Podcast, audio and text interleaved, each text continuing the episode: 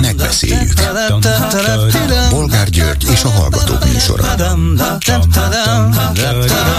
A műsor telefonszámai 061 387 84 52 és 061 387 84 53. Jó napot kívánok a Klubrádió mikrofonjánál, Bolgár György. Mai műsorunkban beszéljük meg, hogy lassanként hadat üzenünk a svédeknek.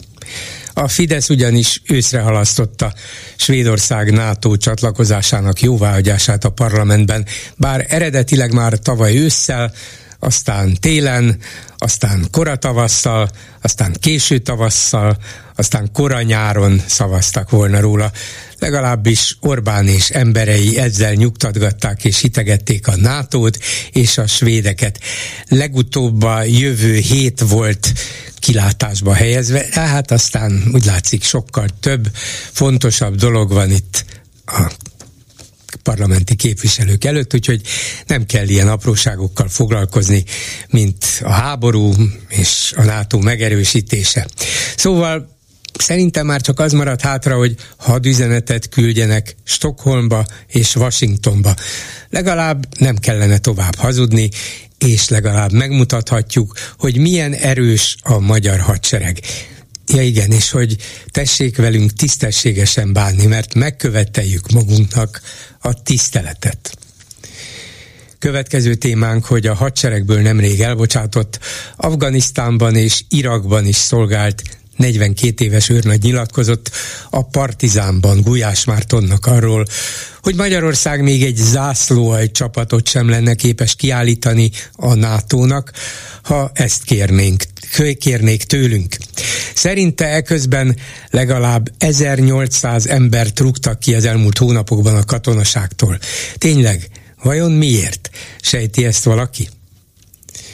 Mit szólnak ezen kívül ahhoz, hogy egy hogy az Ácsi akkumulátorgyár miatt tiltakozók levelére azt válaszolta a térség Fideszes képviselője, hogy nagy gyárat kértek az ott élők, most itt van. Azt már, vagy még nem tette hozzá, hogy neztek, pofa be és végül beszéljük meg, hogy Varga Judit igazságügyminiszter finoman kivitelezett bukása Brüsszelbe küldése sem remegteti meg az Orbán kormányt. Minden botrányt túlélnek, még a szele sem érinti őket, nem hogy egy vihar? Miért? Hogy csinálják ezt? Telefonszámaink még egyszer 387 84 52 és 387 84 53. Háló, jó napot kívánok! Tiszteletem, bolgár úr! Parancsoljam! Egy buszvezető, most éppen nem Pestről, hanem... Hát nem egy buszvezető, hanem a buszvezető, ami El, rendszeresen... Egy vagyok. Volt múltkor ön után egy, nem sokkal egy másik buszvezető, csak hogy jelezze, hogy nincs egyedül. Igen, igen, tudom, hallottam az úriembert, és én is azt mondom, hogy hajrá buszvezetők, mi előre megyünk, nem hátra. Na, szóval... Né, néha hátra is kell, csak akkor a visszapillantó tükörből gondosan figyelni kell. Na, szóval most éppen itt vagyok a Dunadeltán, Romániába, Stulinába, és épp nézem, hogy Duna mennyi szemetet hoz le a, a Karmelita Korostortól, hát rengeteget. Ja, és még azt elfelejtettem, üdvözlöm a 84 éves Irénke néni, tetszett vele beszélni egy két hete, aki nagyon kedves szavakat intézett felém. Igen. Nem tudtam neki megköszönni, de egy rádió keresztül köszönöm szépen a dicsérő szavakat, bár nem hiszem, hogy annyira megérdemlem. Bolgár úr, én ehhez a Varga Judit féle lemondáshoz, vagyis inkább bukáshoz szeretnék hozzászólni. Ja, és előtte még szeretném elmondani, és talán üzenni is Karácsony Gergelnek és Markizaj Péternek, hogy nem kell szégyelni ezeket a külföldi pénzeket. Sőt, inkább jobban föl kellene vállalni, és igenis hirdetni kellene, hogy minél több ember adjon ezeknek a mozgalmaknak, alapítványoknak pénzt, mert, mert hogy az állam nem ad nekik, elrabolja tőlük, és nem tudnak másképp érvényesülni. Legyenek erre büszkék, hogy külföldön is és Magyarországon is ennyi pénzt adtak nekik, mert mi ugye nem rubelba adjuk a pénzt, hanem dollárba vagy éppen forintba. Hát nem kell szégyelni, föl kell ezt vállalni, mert úgyis minden ki fog derülni. Ha pedig így sunyognak, meg néha beszélünk, néha nem beszélünk, nem, nem jó ez. Hát egyenek már végre ők is tökösek, bátrak, és igenis ezt mondani kell, és, és talán reklámozni is, hogy adjatok pénzt, igen, mert készülünk a választásra, készülünk arra, hogy ezt a mocskos maffiát elzavarjuk innen, és csak így lehetséges, mert minden szinten megfojtanak minket. Ezt adja át nekik ezt az üzeneteket, megkérem, hogy velük. Legközelebb a Fidesz budapesti frakció vezetőjével fogok beszélni, neki mindenképpen át fogom adni. Ő neki tudod, mit mondjam, bolgárul? Na, mondja. mit mondjon? Adjon tanácsot. nem mondom, azt nem mondanám, majd műsoron kívül, jó?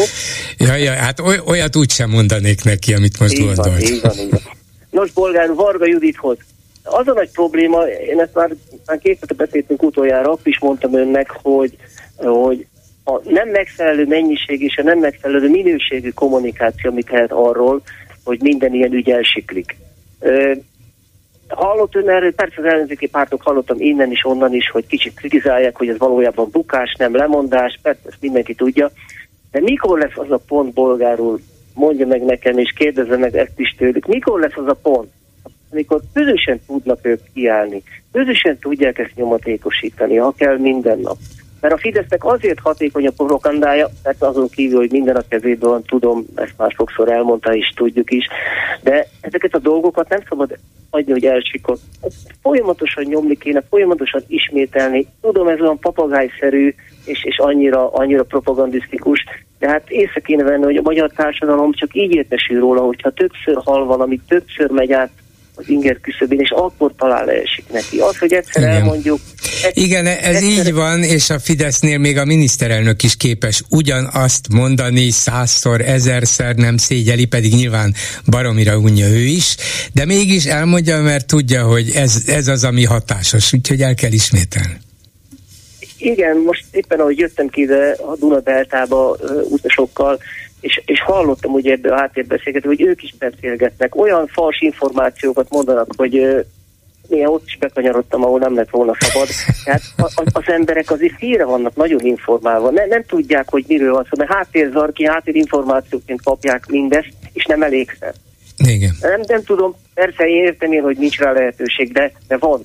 Hogyha összefognának, de annak idején, ezt már aztán tíz éve mondtam, hogy közös sajtótájékoztatókat, vagy az Orbán Viktor, vagy egy ilyen, ilyen, ilyen Varga Judit lemondás után is, egy közös sajtótájékoztatót tartani, ahol nyomatékosítani és elmagyarázni, hogy ez egy bukás. Ez a nő ugyanúgy benne volt a maffiába, mint a többi. Ez egy bukás.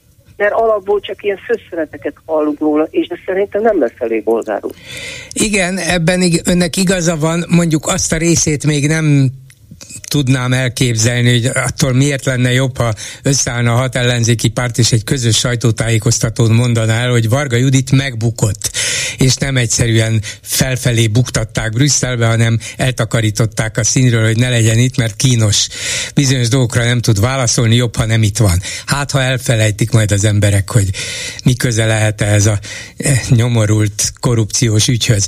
De, de attól, hogy összeállhat párt, és azok ott együtt mondják, nem biztos, hogy több lesz, mint hogyha Ungár Péter azt írja a Facebookon, ha a Jobbik azt mondja egy közleményben, ha a DK azt mondja külön-külön. Én tudom, hogy ez nem tűnik egységesnek, viszont többször elhangzik, több helyen, többféle megzenésítésben, hangszerelésben. Lehet, hogy ez még hatásosabb, mint hogyha együtt állnának föl, és esetleg kórusban mondanák azt, hogy bukás, bukás.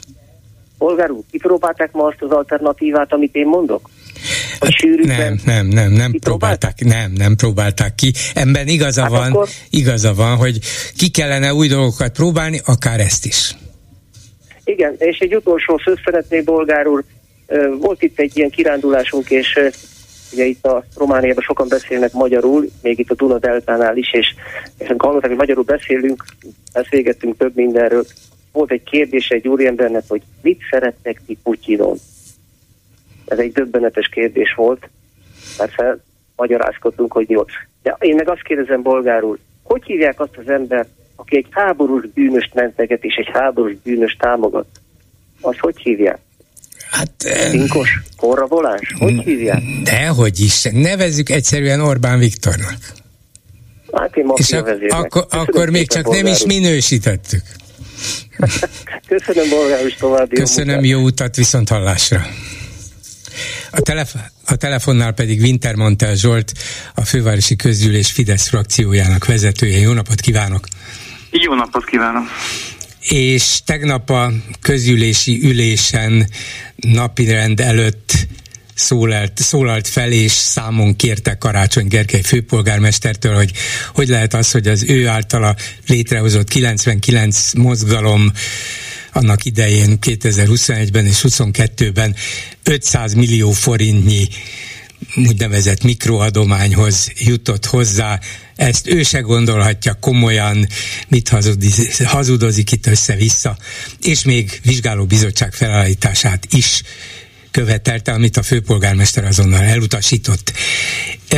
Én értem, hogy ez egy nagyon szokatlan dolog, ami nyilvánosságra került a titkos szolgálatok jelentéséből, de biztos, hogy biztos, hogy erkölcsileg és tulajdonképpen anyagilag is önök járnak a, az igazság útján, és a főpolgármester tévedt el valamilyen rossz és bűnös és esetleg törvénytelen útra? Bolgár úr, kezdjük az elején. Ön elhiszi azt, amit Karácsony Gergely mond? Mármint mit mond azt, hogy... Mit... Hogy, 500 millió, hogy 500 millió forint értékben mikroadományokban adták össze eh, ládákba bedobálva a pénzt. Hát legalábbis vannak mondjuk kétségeim azzal kapcsolatban, hogy ez hogy működött, de változtat az a lényege, hogy mikro, vagy közepes, vagy nagyobb adomány? Én szerintem igen, mert hogy amennyiben nem szabályos, amennyiben ez a pénz külföldről érkezett esetleg mégiscsak, és nem Júcsi nénik és Pista bácsik adták össze a, a támogatást, akkor az nagyon súlyos nemzetbiztonsági kockázatokat mutat. Jelen pillanatban a hazai jogszabályok szerint külföldről pártok a választást befolyásolására pénzt nem fogadhatnak el. Ennek a jelentésnek ugye voltak már korábbi feltárt tényei, volt, amit elismert Markizaj Péter, volt, amit nem, most már jól láthatóan meglettek nevezve pártok, szervezetek, akikhez eljutott ez a pénz, és ugye most ebből a hétfő nyilvánosságra került dokumentumból kiderült az is, hogy Karácsony Gergely által személyesen alapított egyesület is 506 millió forintot kapott. Én azt gondolom, hogy igenis arra őszinte választ kell adni a főpolgármesternek, hogy mennyire életszerű az, amit mond, mennyire hihető az, hogy Magyarországon mikroadományokból, tehát Pista bácsik és Marinénik által összedobott félmilliárd forintnak a 80 az külföldi valutában kerültek bele ezekbe a ládákba. Nem tudom, hogy ott találkozott ilyen adománygyűjtő ládával? Én nem, én csak arról tudok, nem is támogattam ezt a 99 mozgalmat, bevallom őszintén, lehet, hogy hiba volt, de azt tudom, hogy a választási kampány alatt egy másik, ugyancsak nem pártnak, a Mindenki Magyarország a mozgalomnak adtam támogatást. Hát nem volt mega adomány, nevezzük inkább mikroadománynak, de akkor sem egy pártot támogattam, hanem egy mozgalmat, és ahogy ön is mondta, pártok nem fogadhatnak el külföldről pénzt. A 99 mozgalom nem volt párt, és most sem az. Elfogadhatott. Még egyszer kérdezem, mennyire valószínű az, hogy magyarországi mikroadományozók külföldi valutában dobják be a pénzt. Olyan helyre, olyan ládákban, ahol senki nem tudja, hogy ezek hol voltak. Ez a 99 mozgalom egy fantomszervezet, egy örökbánti házba ugyan be van jegyezve, egy második kerületi párbeszédes önkormányzati képviselőnek a lakására, de egyébként irodája nem volt, a honlapja már nem működik, a felelhető archívumok alapján ezek az adománygyűjtő helyszínek, ládák nem voltak meghirdetve, és szaporáznak a kérdések. Például mennyire életszerű, mennyire hiszi el azt, hogy egyébként az ország, tehát egy, van, egy, van egy mozgalom, egy szervezet, amely a Karácsony Gergely saját maga hoz létre azért, hogy az előválasztási kampányát támogassa, majd egyébként ö, azt megnyerve, vagy nyilván ez volt a szándéka, hogy azt megnyerve utána a miniszterelnök jelölti kampányát segítse. Ö, majd elkövetkezik a választás, azon már nem ő indul, mert ugye bekövetkezett az az ominózus esemény, amit őt elütött a villamos, Más lesz a miniszterelnök jelölt, csúfos eredménnyel szerepel a baloldal, újra kétharmaddal alakít kormányt a Fidesz, majd a választások, a kétharmados újabb választási vereség után mikroadományozók még fölkerekednek, és 130 millió forint értékben a választások után az eredményt ismerve még azért adományoznak egy kicsit, mert ne felejtsük el, hogy ennek az 506 millió forintból 130 millió forint az országgyűlési választásokat követően került ahhoz a mozgalomhoz, amely Karácsony Gergely támogatására jött létre, eh, de akkor már bőven nem volt Karácsony Gergely a főpolgármester, sőt az országgyűlési választásokon is túl vagyunk, hogy ez mennyire hihető. De ez, ez egy jó kérdés, hogy mennyire hihető, de nem ez a kérdésem. Az a hát kérdés, hát, hogy tör, hát, tör, az a kérdés, hogy törvénysértő-e, hogy egy mozgalom, amelyik még nem volt megszüntetve, akár a választás után, akár most, kaphat-e akár külföldről pénzt? Kaphat. Ha nem kaphat, és törvénytelen, akkor eljárást kell indítani, ha viszont kaphat, akkor gondolkozhatunk azon, hogy ez hihető vagy nem hihető, de sajnos kaphatott. Én nagyon bízom abban, hogy egyébként a hatóságok végzik a dolgukat, és egyébként a megfelelő szervek megfelelő eljárásrendben természetesen szigorúan a eljárási szabályokat és a törvényeket betartva megfelelően folytatják a vizsgálatokat. Ne felejtsük el, hogy mind Markizaj Péter mozgalma, mind pedig Karácsony Gergely szervezete e, egy Ulcsány Ferenc barátjához, Bajnai Gordonhoz köthető e, Data Adat Kft-hez juttatták a pénzt, több mint 600 millió forint értékben adott ez a mozgalom megbízást eh, Bajnai Gordon cégének, aki bevallottan a parlamenti választási kampányban, az előválasztási kampány és a parlamenti választási kampányban végzett e, e, kampány feladatokat, informatikai adatbázis kezelős és egyéb feladatokat. Tehát azért el lehet ezt játszani, hogy, hogy itt nem a pártok kapták, de hát a választáson pártok indulnak, és a pártok érdekében végezte uh-huh. ezeket a tevékenységeket. Wintermantel úr, Wintermantel úr miért, nem, miért, nem tesz, miért nem tesz feljelentést? Hát ha ott van már rá van állítva a titkos szolgálat hónapok óta, egy fél éve, és már ön is egy csomó dolgot tud meg a közvélemény is. Miért nem tesz legalább ön, aki szerint mindez nem hihető feljelentést, hogy hát járjunk már utána ennek a disznóságnak? Hát jó, de menjünk szépen sorba. Miért nem lehet felállítani egy vizsgálóbizottságot? Miért kell elmenekülni? Hát, én, én tudom, hogy a Fidesz remekül, remekül él a vizsgálóbizottságok módszerével, rendszerével. Tele van a Magyar Parlament elmúlt 13-as éves története vizsgálóbizottságokkal, amelyek után majd mentek a, az ügyészséghez. De ha például ezt nem csinálja a Fidesz a parlamentben, akkor egy ilyen titkos szolgálati nagy vizsgálat után miért nem lehet azt mondani, hogy hát főpolgármester polgármester úr, én, mint budapesti képviselő, ezt türetetlennek tartom, és ráadásul törvénytelennek, úgyhogy feljelentést teszek, besétálok a rendőrségre, és megteszem a feljelentésemet. Szerettem volna magam részéről is megadni az esélyt főpolgármester úrnak, hogy először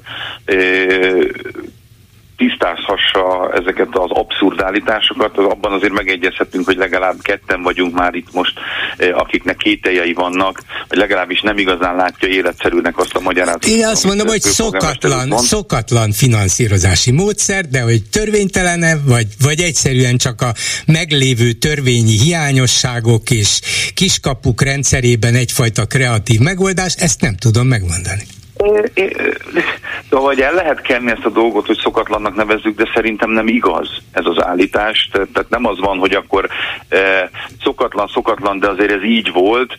Én nem hiszem, hogy magyarországi kis mikroadományozók egyébként csak és kizárólag KP-ban, és egyébként külföldi valutában dobják össze ezt a pénzt. De hát Ennek valami nyoma kell, hogy legyen, valami nyoma kell, hogy legyen. Feljelentést hát abban... tesz, és akkor az ügyészség, rendőrség elkezd nyomozni, van egy nyoma, és kész.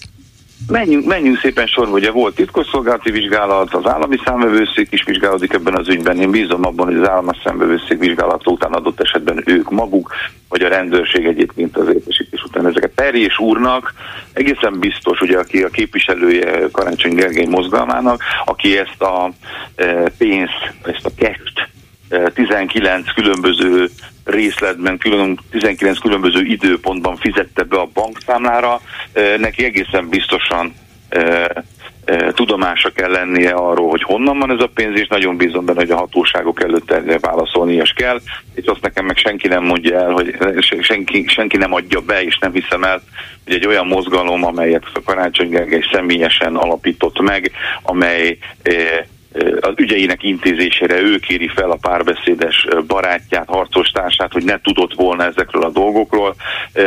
Őszintébb és tisztább lett volna, hogyha veszi a bátorságot, és akár a közgyűlésülésén, de ha ott nem, akkor a vizsgáló. És, és meggyón Wintermantel Zsoltnak. Hát ez érdekes nem, lett volna. Nem nekem, de ez egy kicsit cinikusnak hangzik, amit mond. Nem nekem kell meggyónni.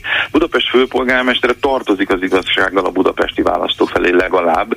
De itt mivel Na de az, az igazság, volt, hogy kibontsuk az igazság minden részletét, itt arról van szó, és valószínűleg ez a nagy igazság többé-kevésbé és alapjában, hogy az ellenzéknek csak a hivatalosan járó pénzek jutnak, jutottak a választási kampányban és előtte, és hát azok nem nagyon elegendőek olyan kampányra, mint amit a kormány, illetve pontosabban Fidesz és KDNP tudott folytatni.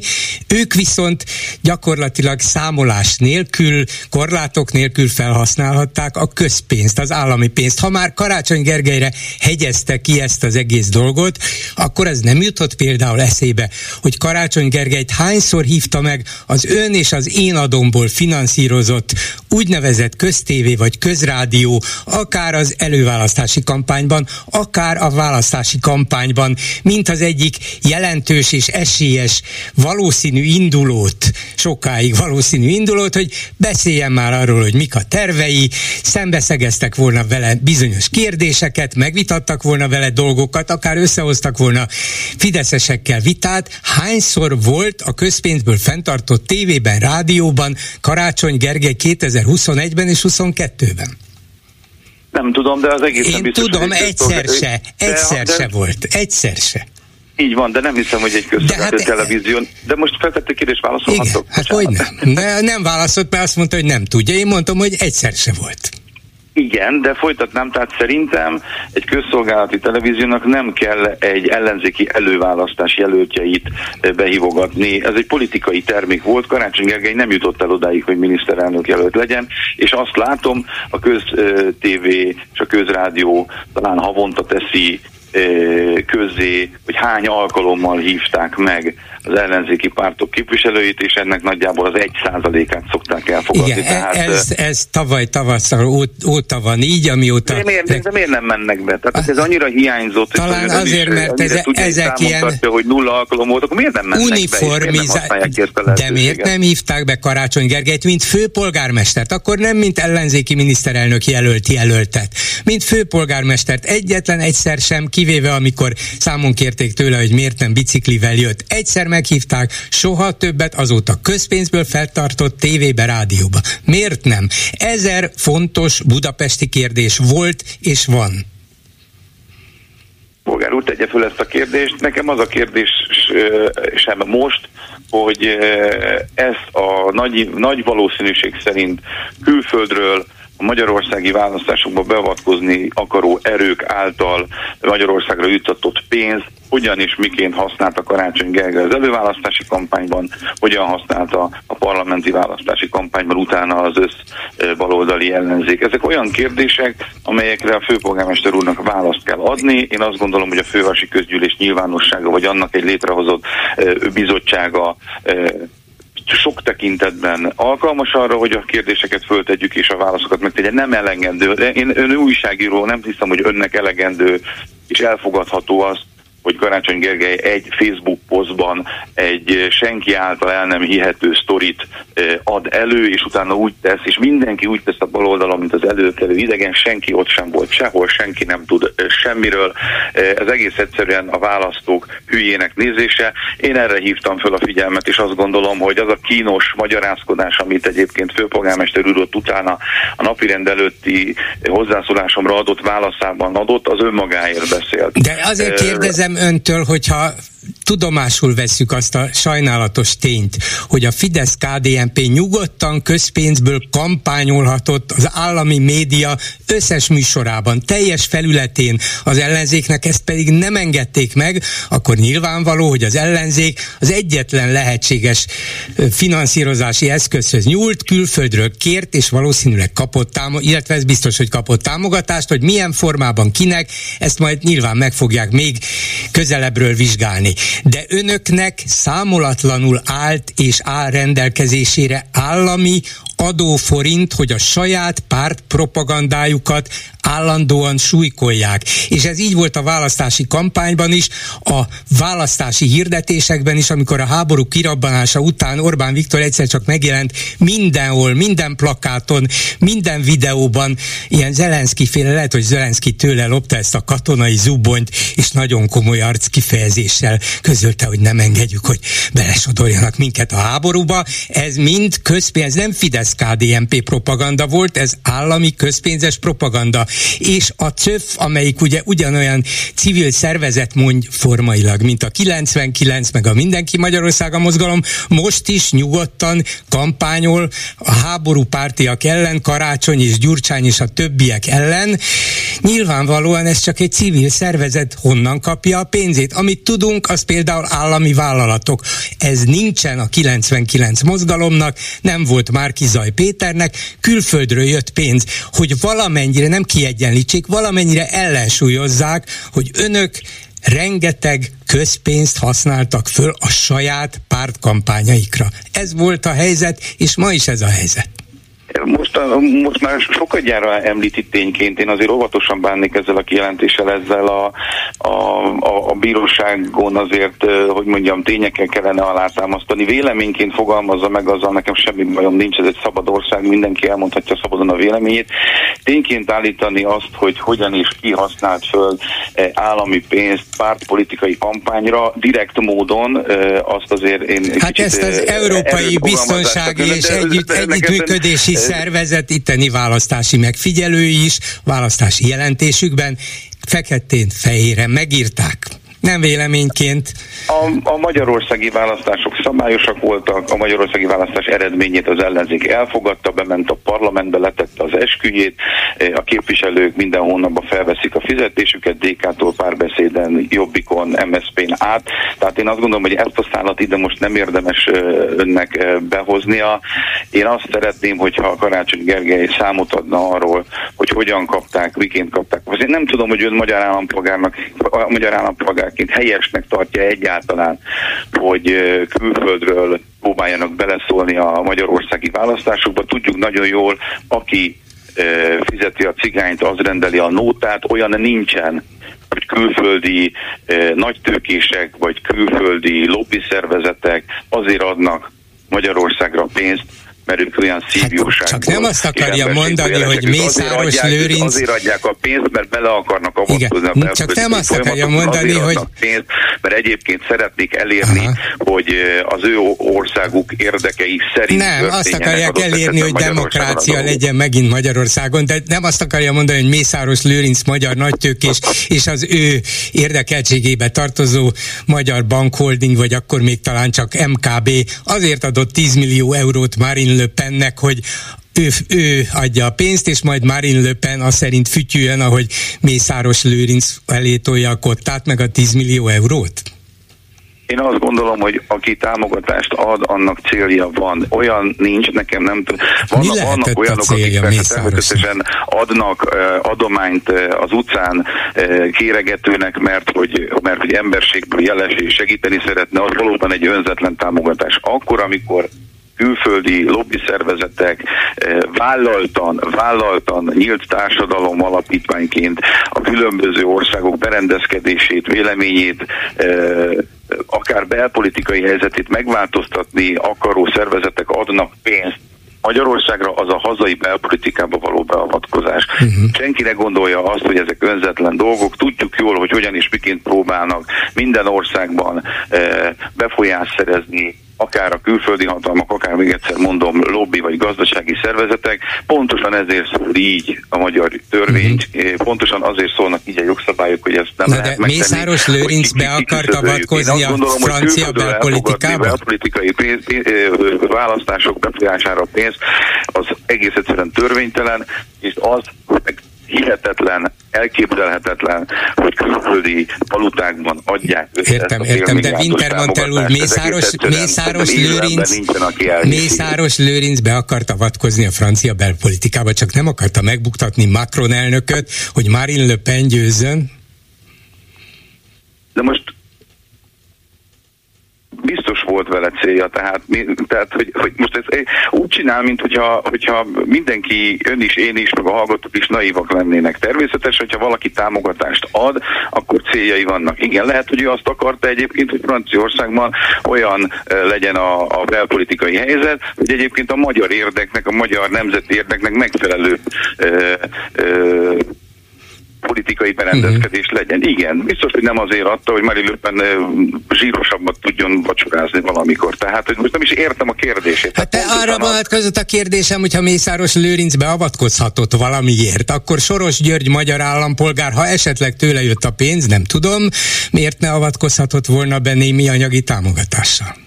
Én nem tudom, hogy a francia törvények hogy szólnak, a magyar törvények egyértelműen azt mondják, hogy ilyen típusú külföldi támogatást Tehát Magyar állampolgár nem adhat magyar civil szervezetnek pénzt de Soros György egyébként én nem tudom, hogy adott vagy nem adott, lehet, hogy önnek több információja Nekem van. nincs, csak föltettem. Ön célzott rá a Nyílt Társadalom ne, Alapítványal, én kimondtam a nevét igen, is, de az Soros. Egy, az, de az egy alapítvány, az egy szervezet, igen. nem egy magánszemély, és a szervezetnek nincs állampolgársága. Igen, Tehát, Na, azért kicsit... nem tudjuk, hogy ki adott pénzt, talán a titkosszolgálat tudja, ezt nem tudom, csak azt mondom, hogy ha Soros György be akar... tudja, és Karácsony Gergely is tudja, csak még tartozik nekünk az igazsággal. De hát ha lesz vizsgálat, talán az is kiderül. Hát sajnos vizsgálóbizottság nem lesz, mert az átlátható, a nyílt, a demokratikusan működő főváros és annak vezetője, főpolgármester úr megakadályozta, hogy vizsgálóbizottság legyen. Köszönöm szépen Wintermantel Zsoltnak, a Fidesz fővárosi frakció vezetőjének. Viszont hallásra. Háló, jó napot kívánok! Halló, jó napot kívánok! Parancsoljon, hallgatom! Ö, nagyon örülök, hogy bekerültem a rádióba. A Wintermantel úr ö, hoz, illetve az ő elmondásához lenne néhány költői kérdésem. Igen. Mert ugye ő képes volt felhozni ezt, hogy a közszolgálati műsornak mi a dolga, ugye? Például, hát én igen. szerintem ő se tudja, hogy mi a dolga, de én, egyszerű magyar állampolgár, adófizető, én kérdezem, hogy engem miért érdekeljen, az, hogy az ellenzéknek valakik, akiknek sok a pénze, vagy nem is sok, csak ö, szántak rá, hogy adtak pénzt. Miért érdekeljen ez engem? Hogy valaki adott az ellenzéknek pénzt. Mert először ugye az volt mondva, hogy mi szabad ö, akaratunkból, nem pénzes befolyásra választottuk meg ugye a Fidesz. Igen.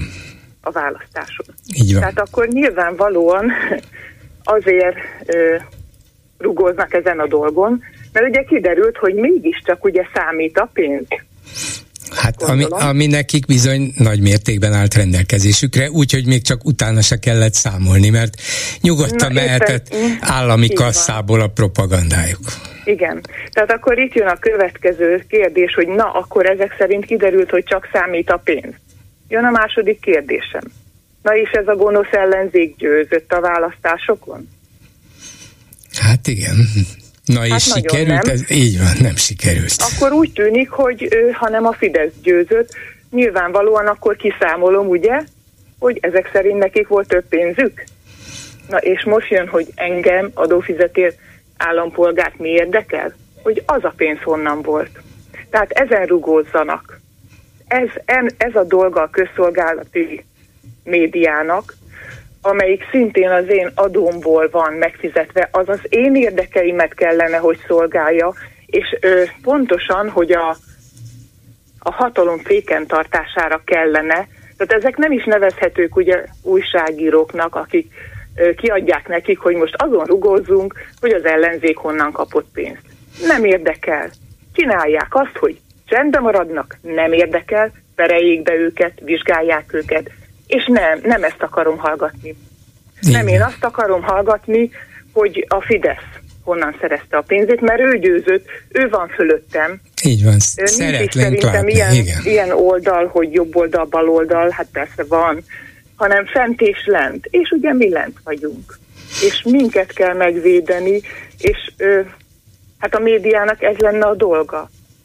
Így van. Az újságíróknak ez lenne a dolga, hogy minket védjen meg, és hogy állandóan bírálgassa, még ha jót is csinálnak akkor is állandóan bírálgassa. Vagy legalábbis ellenőrizze, próbálja ellenőrizni, aztán így amit van. bírálni kell, bírálja, amit meg lehet akár támogatni, azt meg is teheti.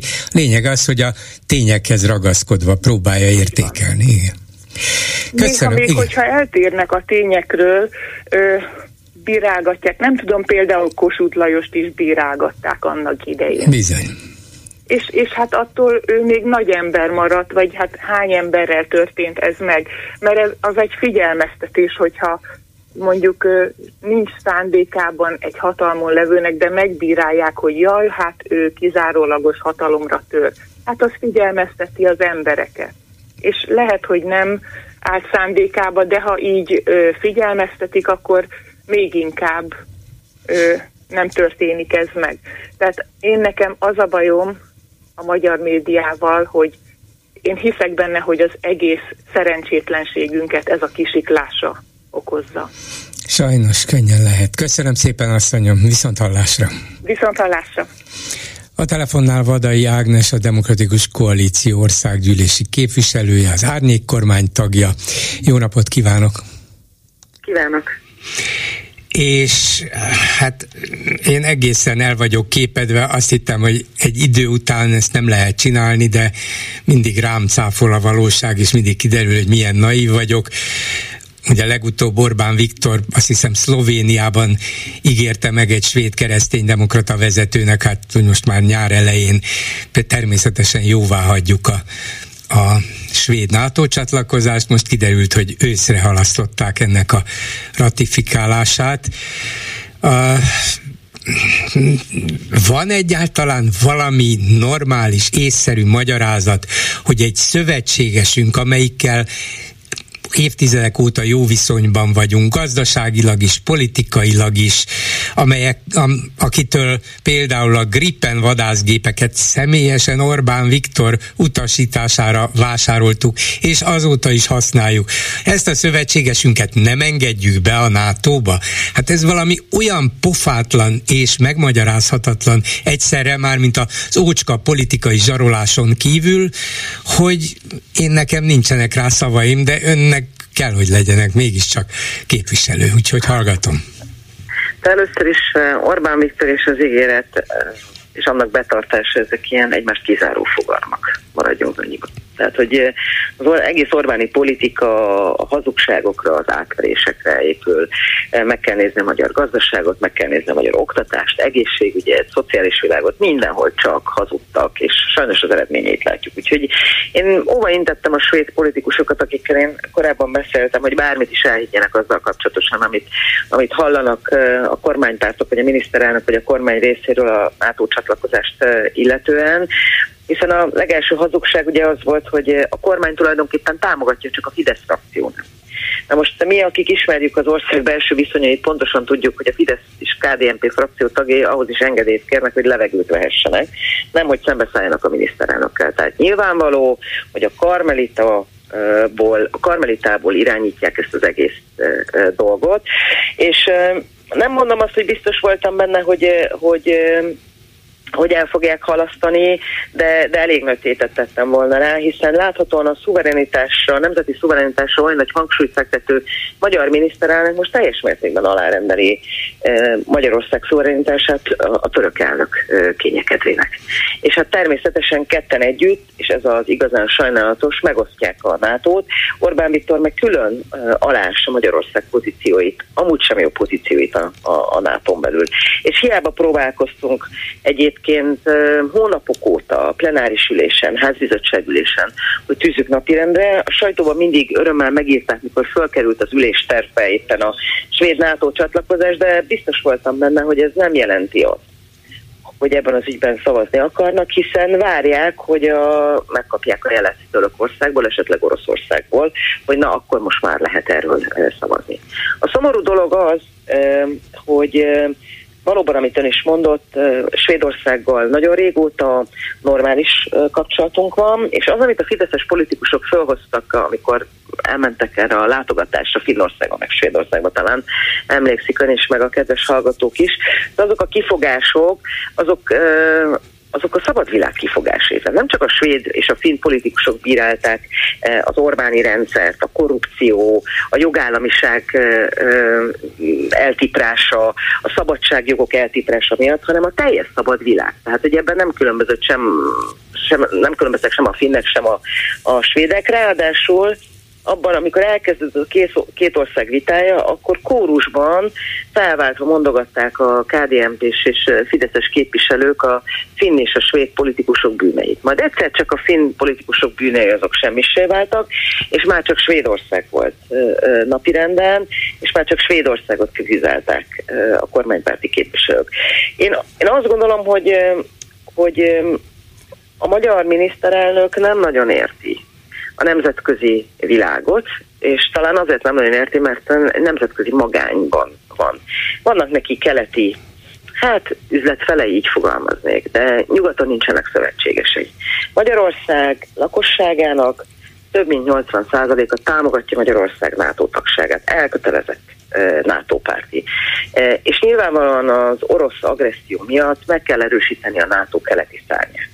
Orbán Viktor és kormánya nem sokat ténykedett ebben, sőt, ők voltak azok, akik a Magyar Honvédséget immár azt hiszem, hogy végzetesen személyi állományát tekintve leépítették. Ehhez járul az hozzá, hogy nemzetközi porondon pedig akármennyire kérik a szövetségesek, um, um, udvariasan, kedvesen, aztán nem udvariasan, nem kedvesen, egyszerűen nincs észérv arra, hogy miért nem támogatják Svédország NATO csatlakozását. Milyen következményei lehetnek ennek? Ugye az, hát az ember milyen kis stílű, hát ha te szemétkedsz velem, én is szemétkedek vele, válaszokra gondol, de ezt feltételezem egy ország meg egy vezetése nem engedheti meg magának, hogy jó, hát nem engedsz be engem a NATO-ba, én akkor addig sajnos nem tudok neked gripen alkatrészeket szállítani, mert tudod, hát nehézségek vannak a gyárban, és így tovább. Hát nem feltételezem, hogy idáig mennének, de azért más dolgokban kellemetlenkedhetnek nekünk, nem?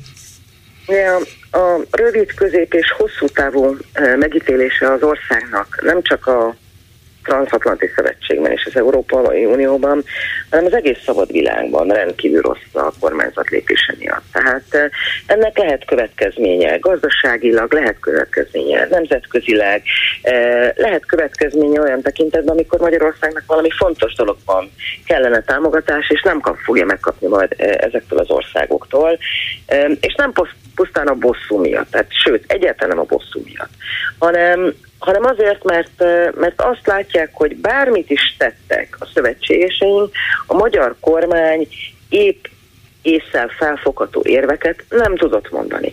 Szóval nem ki, tisztem Törökországot megvédeni, és nem is kívánom, de a törökök, a törökök legalább tavaly Madridból elmondták, hogy nekik vannak fenntartásai. A magyar kormány, amikor döntés született Svédország és Finnország felvételéről, egy árva szót nem szólt. Tehát az látszik, hogy amikor nyugatra megy Orbán Viktor, akkor csöndben van, meghúzódik, visszafogott, és az összes egyébként a nyugatot bíráló posztját a Karmelita magányába írogatja, mert ott bátor. Ha elutazik bárhová a nyugati világba, már ha el tud utazni, ami akár két oldalú, bár az utóbbi időben ez nem nagyon ment neki, ott már nem ilyen bátor. Viszont az összes ilyen cselekedetének eh, van rövid közép és hosszú távú következménye a magyar külpolitikai lépésekre, akár a magyar honvédségre, a magyar biztonságpolitikára, és általában Magyarország megítélésére. Meg kell kérdezni a magyar polgárokat, akik közül jó páran utaznak nyugatra, hogyha elmondják, hogy ők magyarok, akkor milyen reakciót kapnak.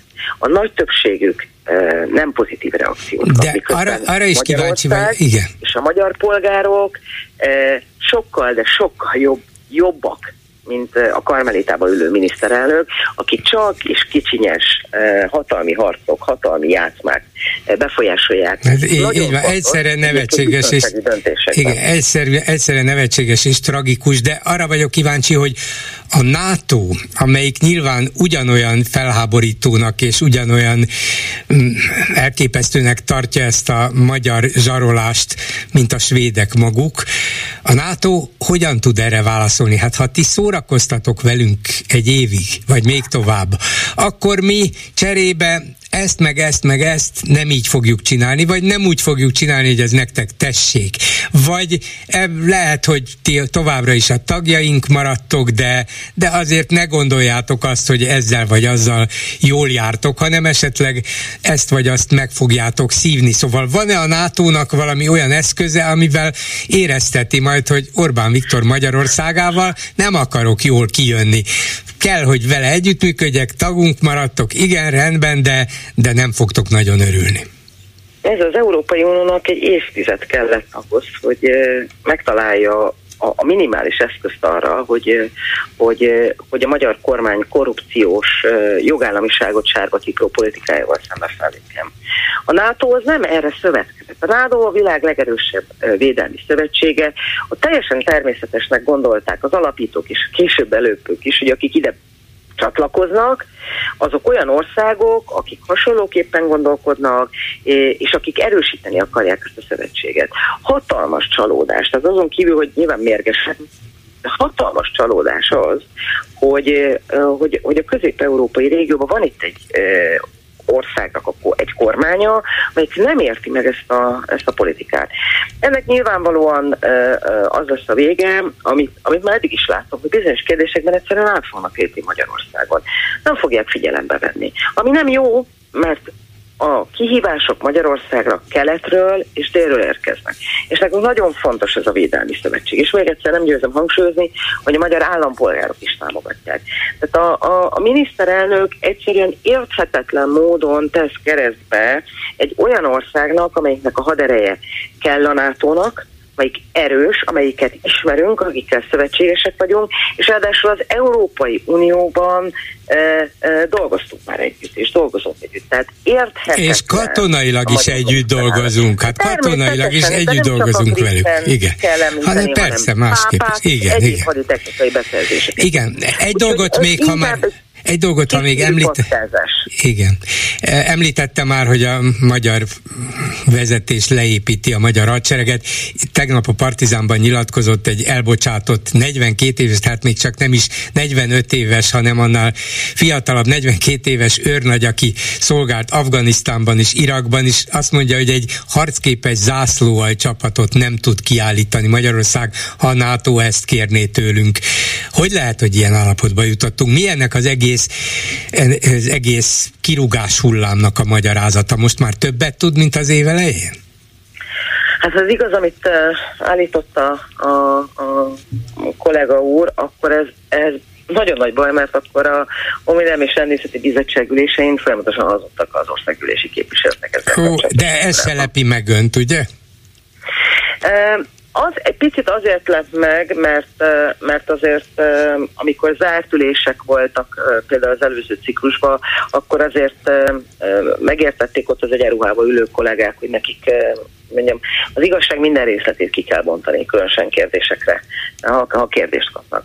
Az, hogy mi, mi történik most a Magyar Honvédségnél, azt gondolom, hogy ezt még azok se tudják, akik ezeket a leépítéseket elrendelték. Tehát szerintem fogalmuk sincsen. És azért nincsen fogalmunk, mert a magyar kormánynak nincs egy koherens Magyarországra vonatkozó biztonság és védelem politikája, ennek következtében halvány fogalmuk sincsen arról, hogy milyen magyar honvédséget szeretnének építeni. Egy dolgot tudnak, hogy el kellene és el kell költeni rengeteg pénzt, odaadni külföldi és magyarországi haveroknak, gyártó kapacitásokat építeni külföldi cégeknek, mert akkor azt el lehet adni majd beruházásként, de egyébként a, a, a hadseregnek a lényegére, magyarul az emberre egy, egyáltalán nincs semmiféle elképzelési koncepció. Mert pedig mindig el szoktam mondani, hogy a vas amiből most rengeteget megvásároltak, ember nélkül semmit nem ér. Ott fognak rohadni az eszközök, mert nem lesz katona, aki működtesse őket, a tapasztaltabbakat posugdossák ki, és én is tudom, hogy 45 év alatt is rúgtak ki tiszteket, tiszt helyetteseket.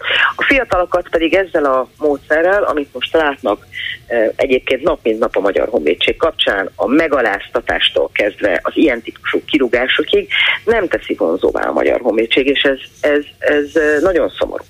Mert én azt gondolom, hogy a toborzás az, és a toborzás sikeressége az mindannyiunknak érdeke.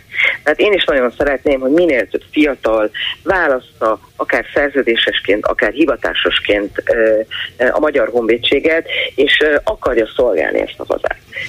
Ilyen módon is. De én azt gondolom, és ez látszik is a toborzásból, bár a miniszter sem erre vonatkozóan, sem a kirúgások számát tekintve nem volt hajlandó exakt számot mondani. Ugye a, a, a tegnapi interjúban elhangzott egy 1800-as szám, amit, amire én nem tudok válaszolni, hogy igaz-e, és igazából e, szerintem csak a minisztérium legfelső politikai vezetése tud erre válaszolni.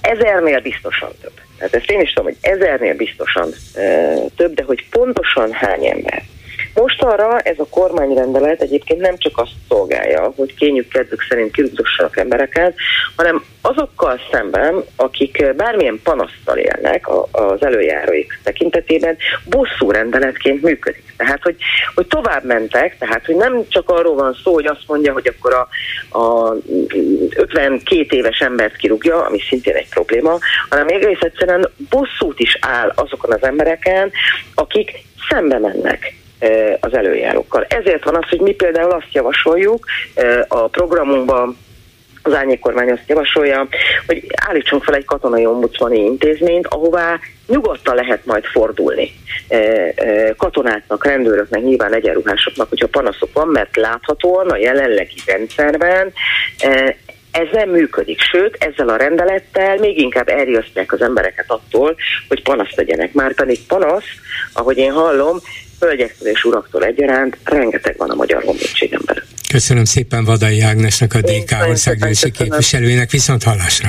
Köszönöm, viszont hallásra. Háló, jó napot kívánok! Jó napot kívánok bolgáról és a hallgatóknak is, Gábris László vagyok.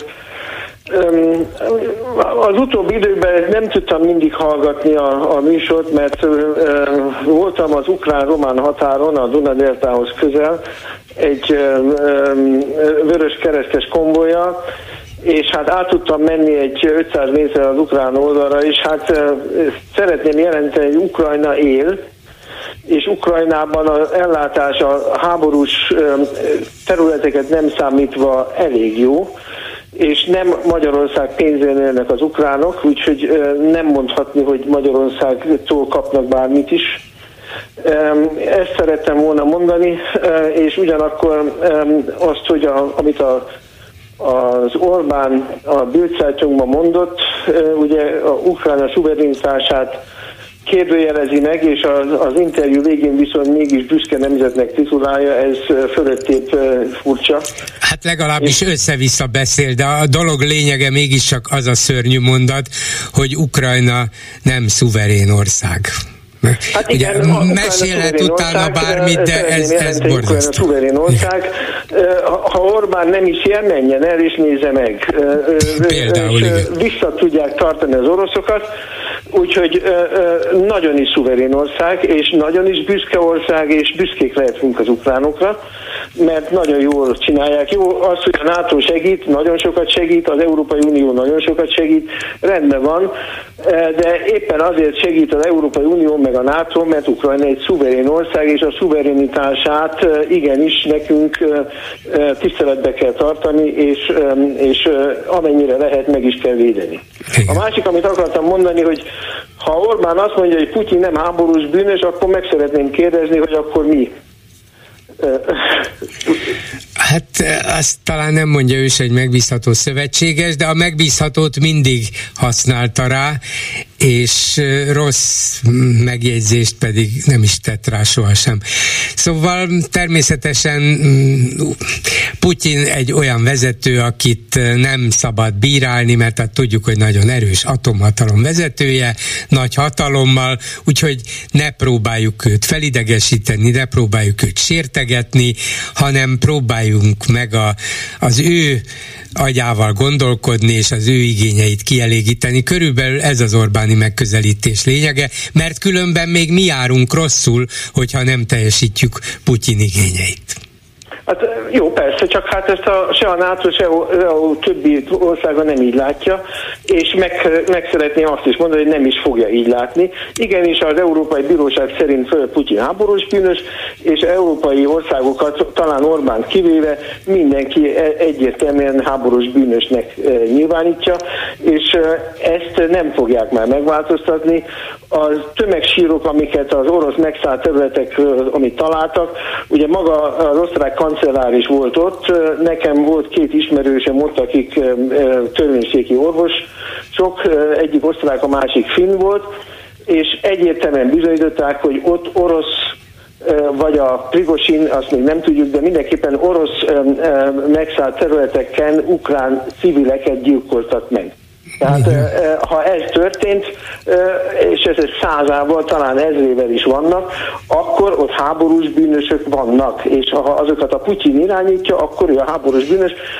Egy párhuzamot szeretnék mondani, Hitler sem lőtt le egyetlen egy zsidót sem, egyetlen egy ellenfelet sem, és attól függően háborús bűnös, és kész. És senki nem vitatja azt, hogy a Hitler háborús bűnös, vagy nem. Persze, persze, ez így van. Legutóbb ugye Kramatorsk városában lőttek egy pizzériát, 12 halott, 12 civil halott. Úgyhogy, de ez csak egy apró epizód ebben a szörnyű háborúban, de a háborús bűnök sorozatának egyike.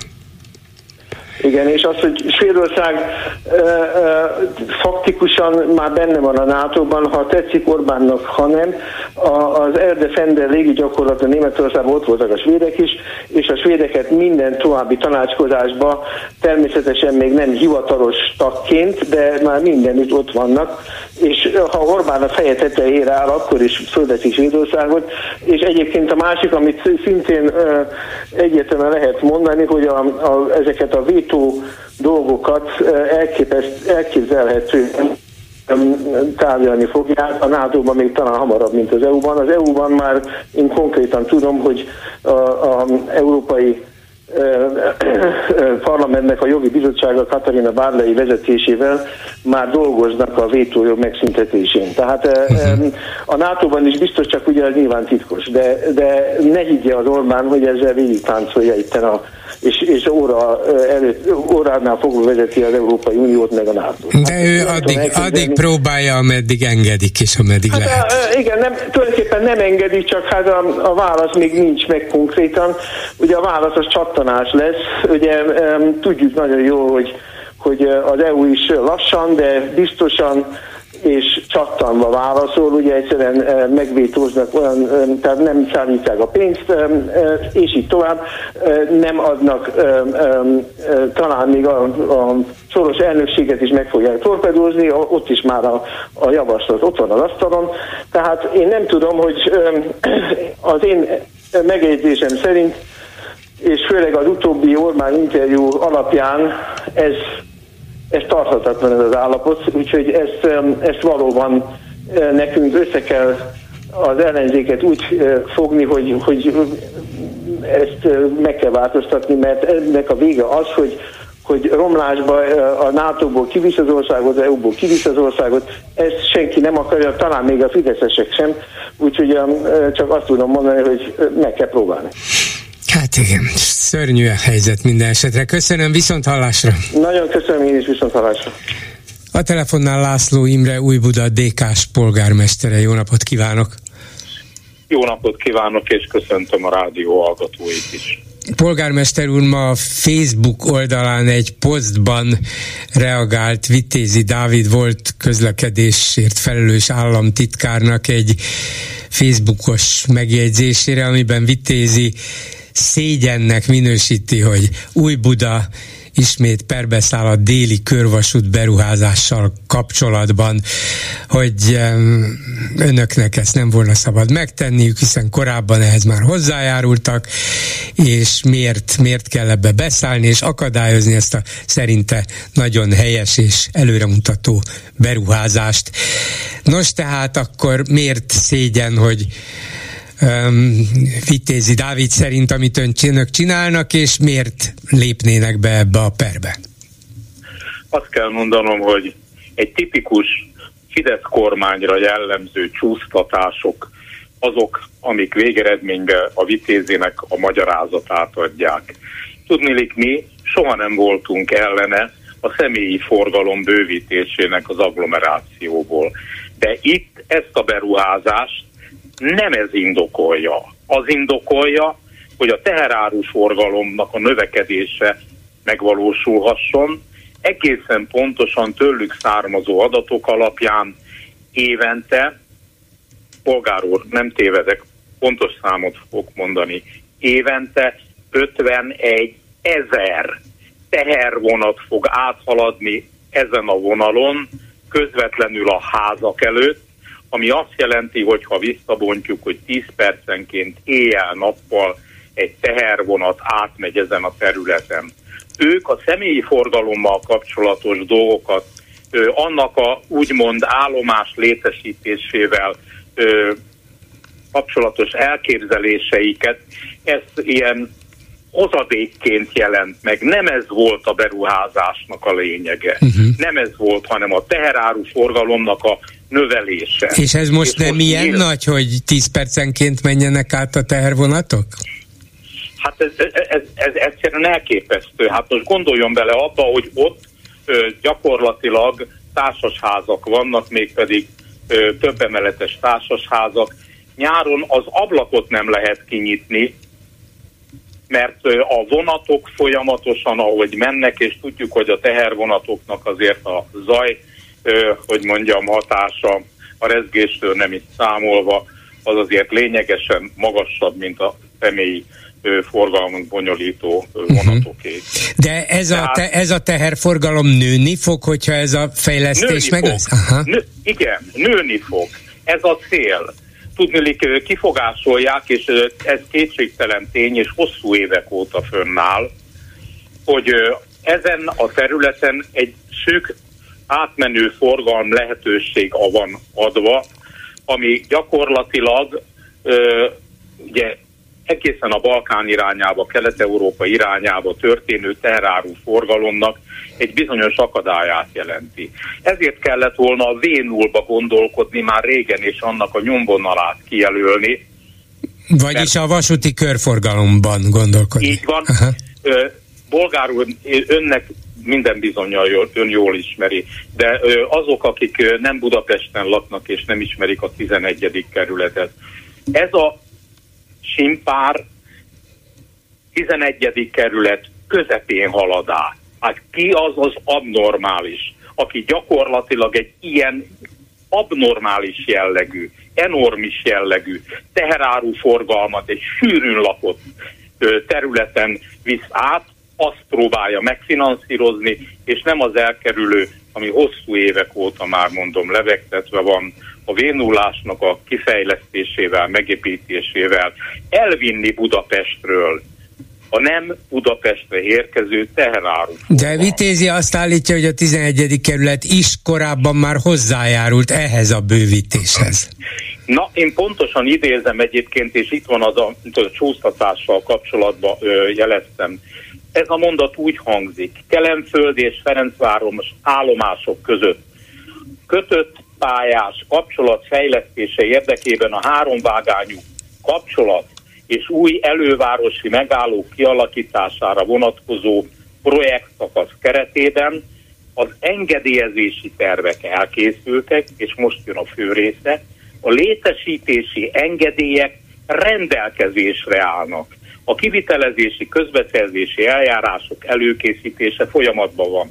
Tehát akkor, amikor tervek megvoltak, engedélyek rendelkezésre álltak, számunkra azt tűnt a, hogy mondjam, az elérhető legjobb minimumnak, hogyha mi hozzájárulunk egyébként ahhoz, hogy bizonyos lakosság irányába tett gesztusokkal megpróbálják csökkenteni ennek a forgalomnak a káros hatását. De ezt követően, ezt követően időben történt, hogy a civilek fellépésével, amihez később mi is csatlakoztunk, pert nyertek, és a környezetvédelemmel kapcsolatos engedélyt a bíróság hatályon kívül helyezte. Tehát jelen pillanatban nem áll rendelkezésre a környezetvédelemmel kapcsolatos, a beruházás környezetvédelemmel kapcsolatos engedélye.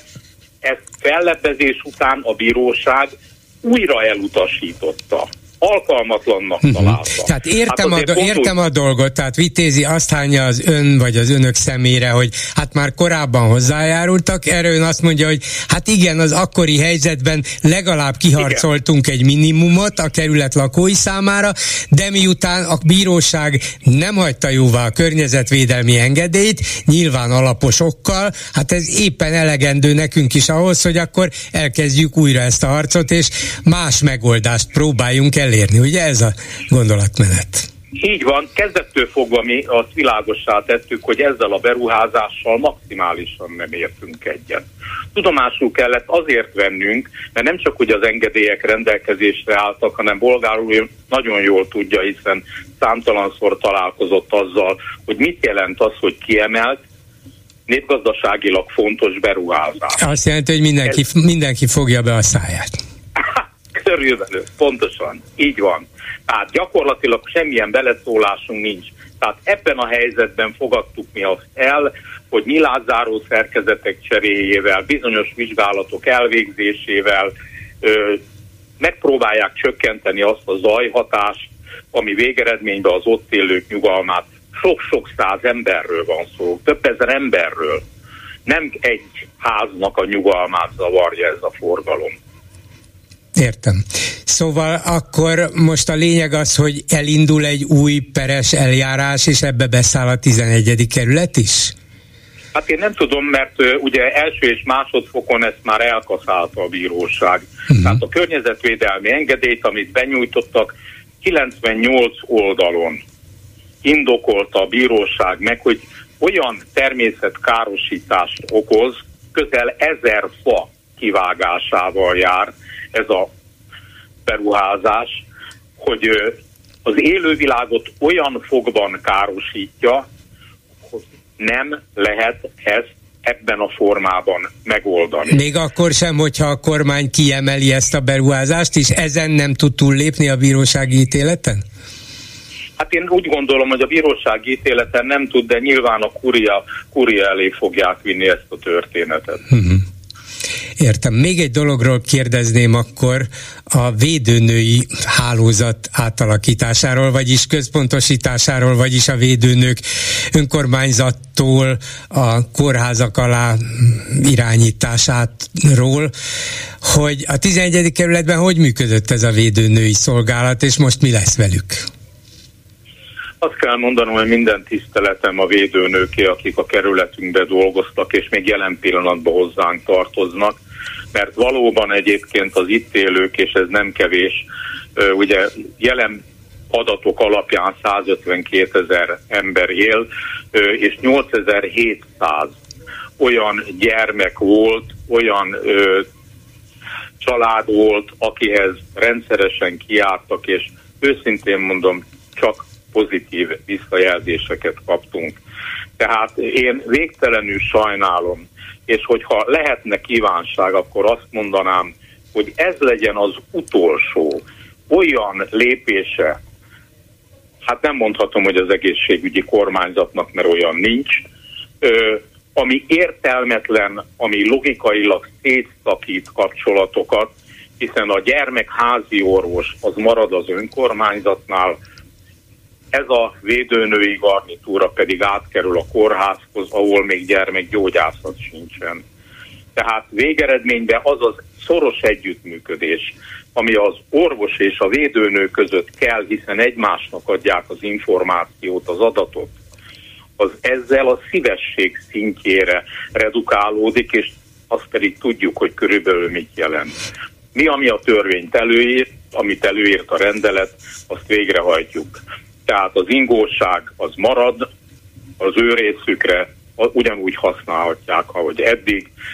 A, az ingatlan rész is marad náluk, ugyanúgy egyébként, hiszen ott élnek, ott csinálják a tevékenységük egy részét, de gyakorlatilag azok a plusz juttatások, amit mi adtunk a védőnőknek, hiszen itt is hiányok vannak, hogy a fluktuációt csökkentsük. ezek, a, ezek a plusz juttatások meg fognak szűnni, Tehát... jogunk sincs Értem, értem. Tehát ugy, ugyanaz, ugyanaz történik, amikor az iskolákat elvették az önkormányzatoktól, hogy az önkormányzatok igyekeztek lehetőségeikhez képest segíteni, hogyha az iskolának erre vagy arra volt szüksége, beszálltak anyagilag, aztán amikor a, az állam elvette, hát akkor, akkor ezek a források, ezek a plusz juttatások is alapvetően megszűntek, bár lehet, hogy itt-ott még ebben is megpróbálnak segíteni, de ezzel lényegében a szolgálat veszít, a védőnői szolgálat veszít el anyagi forrásokat, mert ahelyett, Igen. hogy több lenne, neki kevesebb lesz. Lényegesen kevesebb lesz, és ez azt jelenti, hiszen az új budai pótlékot elveszítik, volt egyéb más támogatási formánk is.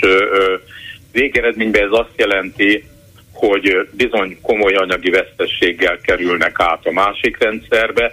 Már hatan fölmondtak, 34-en, 34-ből, tehát nem vállalják 34-ből 6 védőnő a 11. kerületben felmondott? Hát azért ez, Igen, ez, ez elég ez súlyos. már befejezet. tehát 6 ember sajnálatos módon távozott, mi elköszöntünk tőlük, mindenkitől elköszöntük.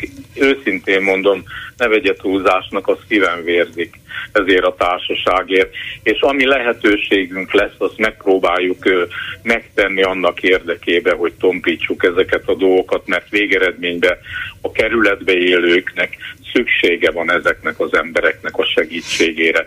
Ez a hungarikum nem az a hungarikum, ami 2010 után bejött, és rátapasztottuk bizonyos dolgokra, a pálinkától kezdődően, mit tudom én mire. Ez a hungarikum. De hát azért csak ne legyen a hülyeség hungarikum, még hogyha az Orbán kormánynak számos ilyen igazán hülye intézkedése is volt. Egy dolgot még kérdezek öntől. Igen. Talán a napokban láttam egy fényképet, lehet, hogy már a múlt héten volt, nem emlékszem, hogy ön mellé kiállt a kerület sok párti ellenzéki többségű vezetése, vagy pontosabban a, azok a helyi képviselők. Teljes, a teljes koalíció. Igen, a teljes koalíció. Ö, egy egy ilyen nagy fotóra. Mi volt ennek az apropója? Miért, miért akarták demonstrálni, hogy ott állnak ön mellett, ön mögött? Ö, két dolog volt benne. Az egyik az, hogy úgy ítélték meg, öt pártról van szó, a jobbik kivételével ugye ez a az egész dolog ugye hat párttal és a jobbikkal indult, a jobbik már ebből nincsen benne. Hogy koalícióba történő tevékenység az elmúlt négy évben a 11. kerületben eredményes volt. Korrekten, egymásra figyelve csináltuk a dolgokat, nem mindig probléma nélkül, de ez természetes egyébként, hogy előfordulhat. Tehát azért álltak ki, hogy bizonyítsák, hogy továbbra is ebbe a koalícióba kívánnak dolgozni. A másik, ami számomra megtiszteltetés, hogy elfogadnak polgármester jelöltnek, tehát hogy folytasson tovább ezt a tevékenységet. Most valahol olvastam, hadd mondjam, nem plegyka, de borzasztóan piszkálta a csőrömet. Úgy vetették föl az én személyemnek, a, hogy a folytatás szempontjából számításba vettek, hogy László Imre a 11. kerületben akinek az egészsége nincsen rendben, üzenném, hogy rendszeresen sportolok, semmilyen orvosi felügyelet alatt nem állok, krónikus betegségem nincsen, tehát ez nem igaz, ez már valahol olyan beütés, ami azt próbálja elhitetni. Szóval ezzel hogy próbálják talán... fúrni önt? hát természetesen, meg leírják, hogy én jövőre 77 éves leszek. Üzenném egyébként, hogy ebben az évben lesznek 77. Igen. Ezt se tudták jól. Az amerikai elnök igaz, hogy a kormánykörökben, magyar kormánykörökben fúrják, az 80 múlt, de a kihívója, akit viszont nagyon favorizálnak, az 78. Úgyhogy önnek van még egy kis előnye velük szemben. Köszönöm, Bolgár László Imre, a 11. kerület DK-s polgármestere, minden jót, viszont hallásra. Jó egészséget! Jó egészséget kívánok, köszönöm szépen! Háló, jó napot kívánok! Jó napot kívánok, bolgár úr, Szabó Lajos vagyok. Parancsoljon! Egy már tíz éve nyugdíjas vasutas és amikor vasút kerül témába, Igen. akkor azért kardot rántott. Emlékszem, és, emlékszem, emlékszem őre. És a polgármester úrral is vitába szeretnék keveredni, vagy legszívesebben azt szerettem volna, hogy bekapcsolódjak a beszélgetésbe, és megkérdezem tőle, hogy mi készült előbb, a vasút, vagy a vasút mellé épített lakótelep? Hát valószínűleg a vasút, de bizonyos Szeretném szempontból neki ez már mindegy, úton, nem? Hogy a kopaszi gát fejlesztése miért történt a vasút mellé, közvetlen a vasút mellé? Hát nem, Azért, nem. hogy a vasutat bontsák le esetleg? Nem, hát, hát, Már elnézést kerek, bolgár úr, a vasutat 150 éve ugye először új szőnyig építették meg Bécs felől, majd utána Kelenföldig, és utána át Ferencváros felé. Ezt a vasutat a jelenlegi technológiák mellett olyan alépítménnyel lehet megépíteni, hogy szinte nem is lehet hallani a vonatnak a közlekedését, mert ma már olyan technológiák vannak, hogy uh-huh. ö, nem lehet hallani, hogy jön hogy a vonat, úgy megy a suhan végig a szerelvény, mint Igen, hogyha, ugye? igen, Na de igen. ilyen Magyarországon azért azt, még nem nagyon nincs van. Még akkor a hangja sem mindegy metrószerelvénynek Mhm. uh-huh. egyébként a vonatnak, a tehervonatnak is. Sőt, szeretném még hozzátenni, hogy a harmadik vágánynak a megépítése a legolcsóbb megoldás, mert ezáltal a személyforgalom oly mértékben tudna fejlődni, hogy a tömegközlekedést, tömegközlekedés kiváltaná a gépkocsi közlekedésnek nagy részét, ugye mert a városnak a külső részébe le lehetne pakolni a vonatokat török Bálint körül, vagy az autókat török Bálint környékén, és be lehetne jönni Budapestre, metróra lehetne csatlakozni. De tovább téve egyébként olyan közmű alagutat lehetne építeni a vasút fölé az adott szakaszon, hogy nem is hallanák, hogy megy a vonat. Hát lehet, hogy ilyenekben kiegyezne a polgármester is, meg Na, hát elképzelhető, hogy a bíróság is. Azt jelentse ki rögtön, hogy a vasút teszi tönkre a lakók életét. A lakók a legolcsóbb lakótelepet megvették a vasút mellett, mert mindenki mindent be akar Magyarországon úgy építeni, pedig Budapesten annyi szabad hely van egyébként, amikor én átutazom a város keresztbe, Kassú jobbra balra, annyi szabad hely van, de mindenki a központhoz akar közel lenni, a vasúthoz is közel akar lenni, az iskolához is közel akar lenni, és senki nem akar egy kicsit sem megmozdulni, hanem ami van, inkább akkor azt bontsuk le, mert, mert mi oda, oda mentünk. Na de én értem, értem ezt a logikát, csak a polgármester logikáját is érteni kell, hogy ő neki abból kell kiindulnia, ami van, ami a kerületében van, amilyen helyzet van, hogy aztán azokat a házakat, lakótelepeket mikor építették, és ez mennyivel volt a vasút után? Igen, biztos, hogy volt ebben egy olyan fajta... Minden, mindenkinek tisztába kellett lenni azzal, én azért nem vettem meg egyszer Kelenföld fölött, nem is tudom már, hogy hogy hívják azt a részt, arra gazdag rész felé, egy, egy ingatlan, mert fölhallottam az autópályának az alján. Na látja, hát önt is Nem zavarta vettem, valami. Elmentem a harmadik kerületbe, ott vettem olyan helyen a hegyoldalban, ahol nem hallom az autópálya zaját. De akkor, amikor a házakat építették és a vasút mellé oda tették, akkor ez senkit nem érdekelte. Ma mindenki olyan öntudatos lett, hogy az ő háza az fontosabb, az fontosabb, mint a vasút. Na de az is, az is bekövetkezett azért az elmúlt évtizedekben, vagy azóta, mióta azokat a házakat építették, hogy a vasúti közlekedés is bővült, és nem óránként ment el arra egy vonat, hanem 10 vagy 20 percenként, és akkor már Polgár jobban úr, zavar, nem? úr, ezelőtt 40 éve gőzmozdonyokkal ment el és füstölt ott a vonat, utána dízelmozdonyokkal ment a szergelyekkel, amik dübörögtek, főleg akkor, amikor még e, hangtópító se volt a mozdonyokon, a nullás M62-es típusú mozdonyok olyan hangerővel mentek el, hogy arra tényleg lehetett építeni, azóta már csak villanymozdonyok járnak arra. De ez igaz, de hogyha ha ebből indulunk ki, akkor a, akkor a régi Trabantokkal és Wartburgokkal senki nem szívesen élne ma együtt, hát ha csak nem kuriózumként, Hát mert úgy gondoljuk, hogy a, a, Gőzös, ezért nincs szergely, de van villanymozdony, vagy már csendbe megy, sőt, ha megépítenék a harmadik vágányt, a harmadik vágányt, megoszlana a forgalom, nem biztos, hogy 10 uh-huh. percenként menne, csak 15 vagy 20 percenként menne egy vonat, el azon a területen, és ha olyan környezetvédelmi mutatókat csinálnának, vagy illetve olyan környezetvédelmi beruházásokat csinálnának, amivel maximálisan ezt a zajt, vagy bármit lehetne csökkenteni, nem is vennék észre. Na de talán ez a lényeg. Hát nyilván nem véletlenül utasította el a bíróság a környezetvédelmi engedély megadását, mert a bíróság szerint, és nyilván szakértők szerint nem megfelelőek ezek a De környezetvédelmi intézkedések. tetszenek beszélni, a vénul, igen, az egy jó dolog volna valóba, csak akkora kerülő az országba a vénulnak a megépítése egyébként, ami uh-huh. anyagiakban sokkal többe kerülne a fuvarozóknak is, mint a, a jelenlegi helyzet egyébként. Meg lehet azt csinálni, majd ha lesz rá pénz. Egyelőre erre lenne pénz, hogy legyen egy harmadik vágány, mert ez, az országban olyan sok pénz van egyébként, tudja, mert a pedagógusoknak is jut, nem jut, oda se jut, itt se jut a Vénúrra, mert nincs annyi pénz ebben az De jut azért, Vodafone-ra jut, mert meg akarjuk nem venni oda, a repülőteret. Jusson a pedagógusnak, jusson az obonőnek, jusson a, a, a, az orvosoknak, az ápolónőknek, oda jusson, amire a legfontosabb.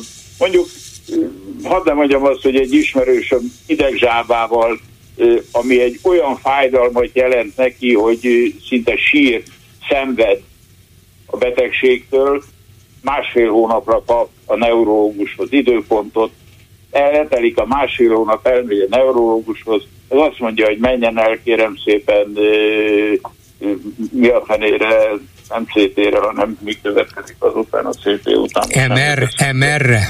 MR-re, menjen el MR-re, ahol szintén kap másfél hónap múlva időpontot, tehát eltelik három hónap, meg a rengeteg fájdalom, a rengeteg fájdalom, és akkor utána újból majd időpontot kap a neurológusnál, hogy fogadja.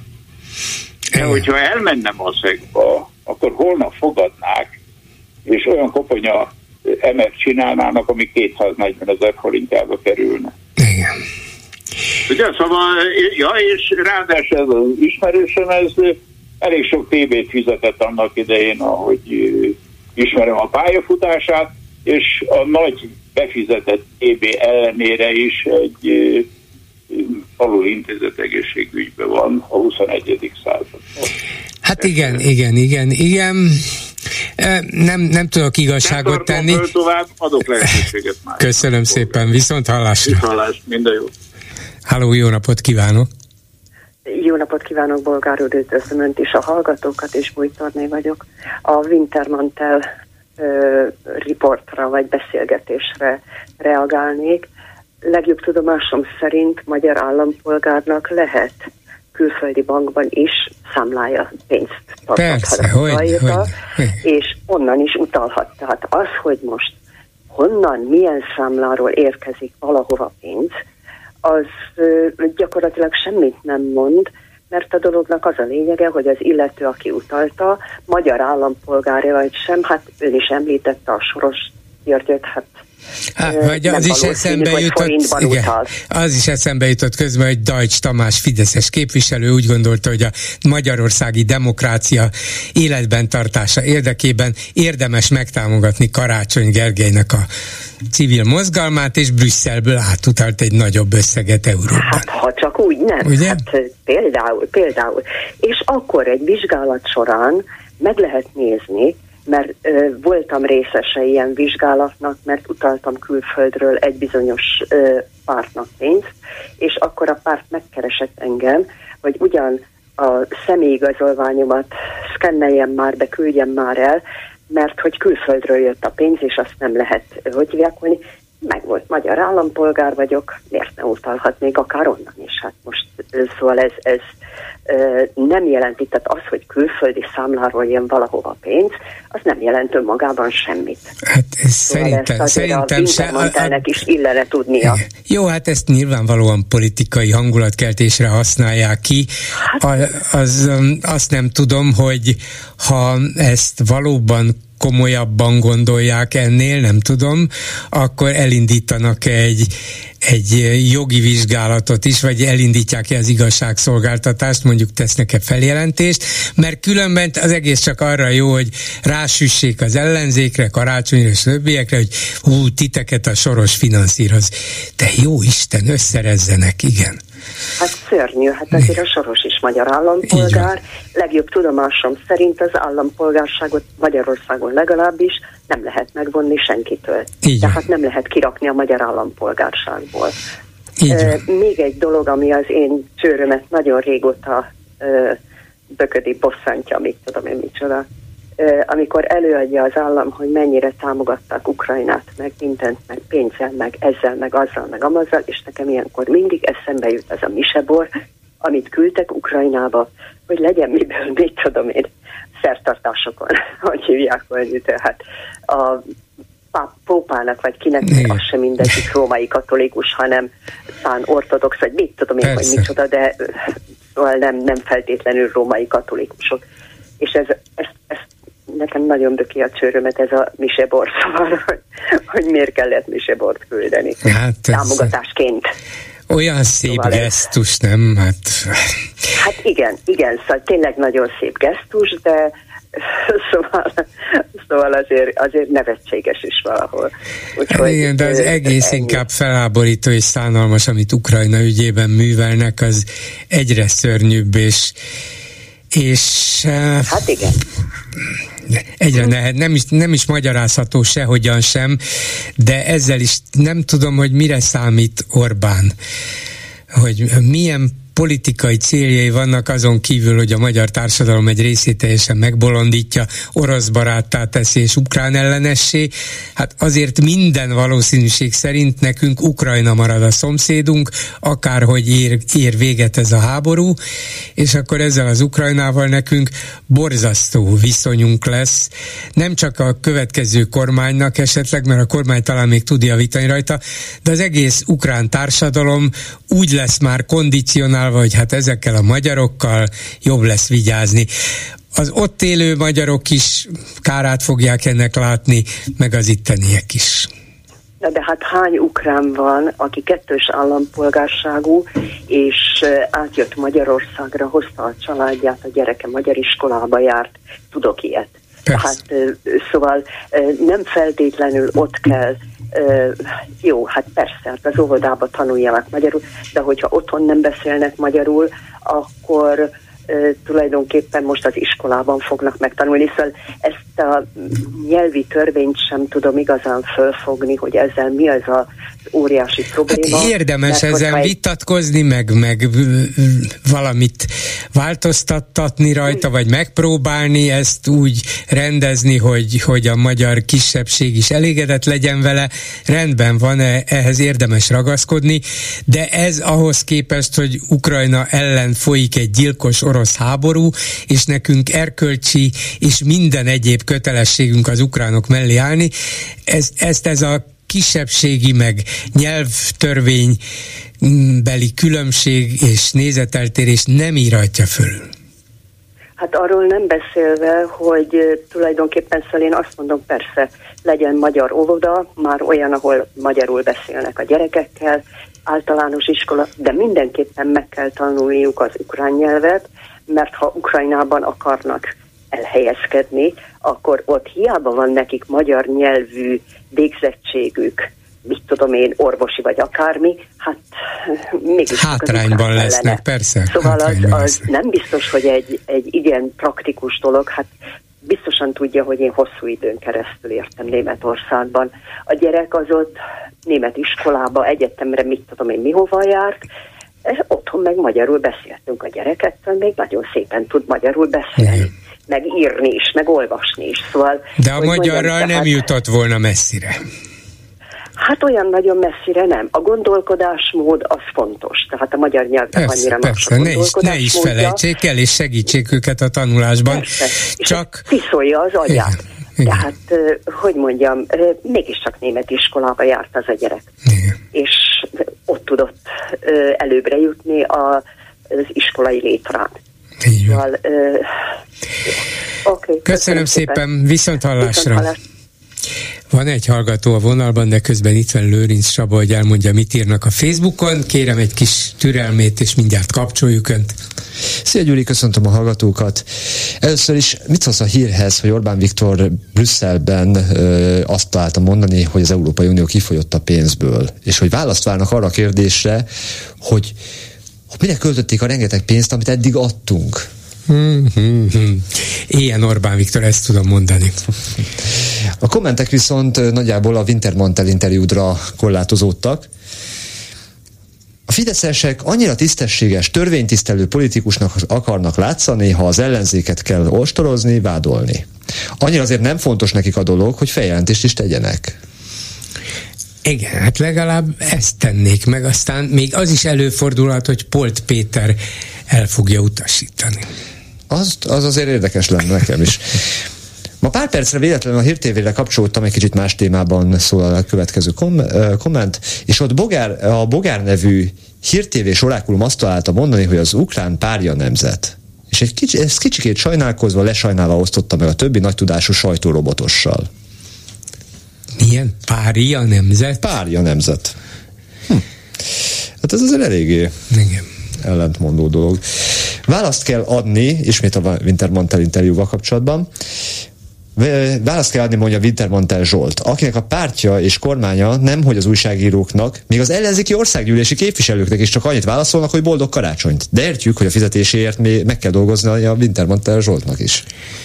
Igen, hát nyilván mindenkitől elvárják a minimumot, úgyhogy hát igen. ez a szolgálati minimum. Igen, igen. Erre, erre rímel a következő komment, nehéz védeni a hülyeséget.